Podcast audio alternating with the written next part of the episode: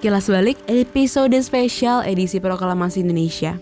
Ini merupakan episode terakhir untuk edisi ini, tapi jangan sedih, kita akan membahas topik lain.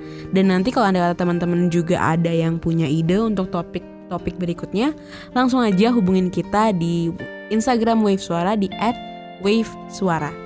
Langsung lanjut ke episodenya. Kilas Balik episode 3 edisi Proklamasi Indonesia.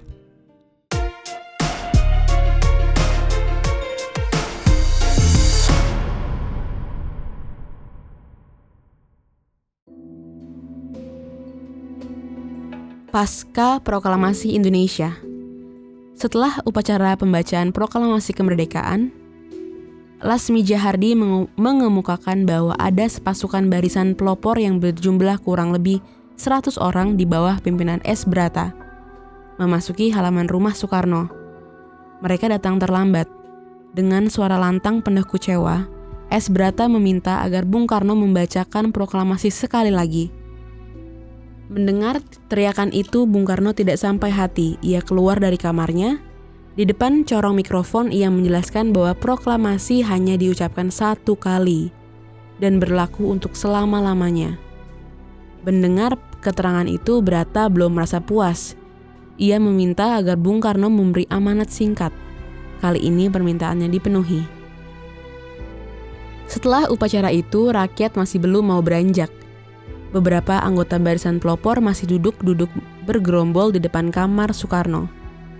Tidak lama setelah Bung Hatta pulang, menurut Lasmi Jahardi, datang tiga orang pembesar Jepang.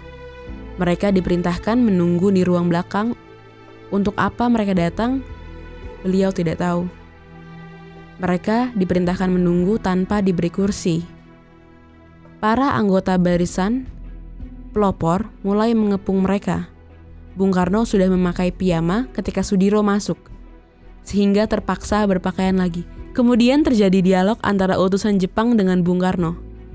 Kami diutus oleh Gun Seiken Kaka datang kemari untuk melarang Soekarno mengucapkan proklamasi. Proklamasi sudah saya ucapkan. Jawab Bung Karno dengan tenang. Sudahkah? Tanya utusan Jepang itu keheranan. Ya, sudah. Jawab Bung Karno. Di sekeliling utusan Jepang itu, mata para pemuda melotot dan tangan mereka sudah diletakkan di atas golok masing-masing. Melihat kondisi seperti itu, orang-orang Jepang pun segera pamit. Sementara itu, Latif Hedra Diningrat tercenung memikirkan kelalaiannya. Karena dicekam suasana tegang, ia lupa menelpon Sutarto dari FPFN untuk mendokumentasikan peristiwa itu. Untung ada Franz Mendur dari IPPHOS yang plat filmnya tinggal tiga lembar. Saat itu belum ada roll film atau belum ada kamera digital. Sehingga dari seluruh peristiwa bersejarah itu dokumentasinya hanya ada tiga, yakni sewaktu Bung Karno membacakan teks proklamasi, pada saat pengibaran bendera, dan sebagian foto hadirin yang menyaksikan peristiwa itu. Peristiwa besar bersejarah yang telah mengubah jalan sejarah bangsa Indonesia itu berlangsung hanya satu jam dengan penuh kehikmatan. Sekalipun sangat sederhana, namun ia telah membawa perubahan yang luar biasa dalam perjalanan sejarah bangsa Indonesia. Gema lonceng kemerdekaan terdengar ke seluruh pelosok Nusantara dan menyebar ke seantero dunia.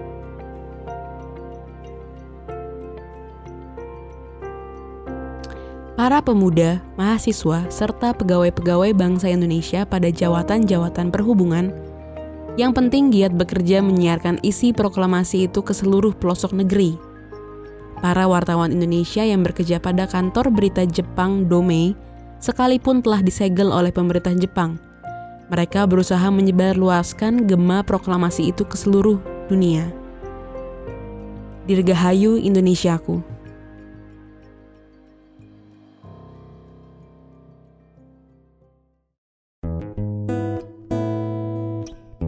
Sekian kilas balik edisi Proklamasi Indonesia. Kita sebagai generasi muda dan teman-teman pendengar kilas balik harus menyadari bahwa perjuangan pahlawan kita itu bukan hal yang patut dilupakan. Malahan merupakan hal yang patut kita terus ingat, kita lestarikan dan kita terus bahas dan diskusikan karena kalau tidak ada pahlawan-pahlawan kita pada zaman dahulu kala mungkin kita tidak bisa berada di mana kita sekarang ini. Uh, sekali lagi gue Alex dari Kilas Balik mengucapkan terima kasih yang sebesar-besarnya untuk para pendengar Kilas Balik.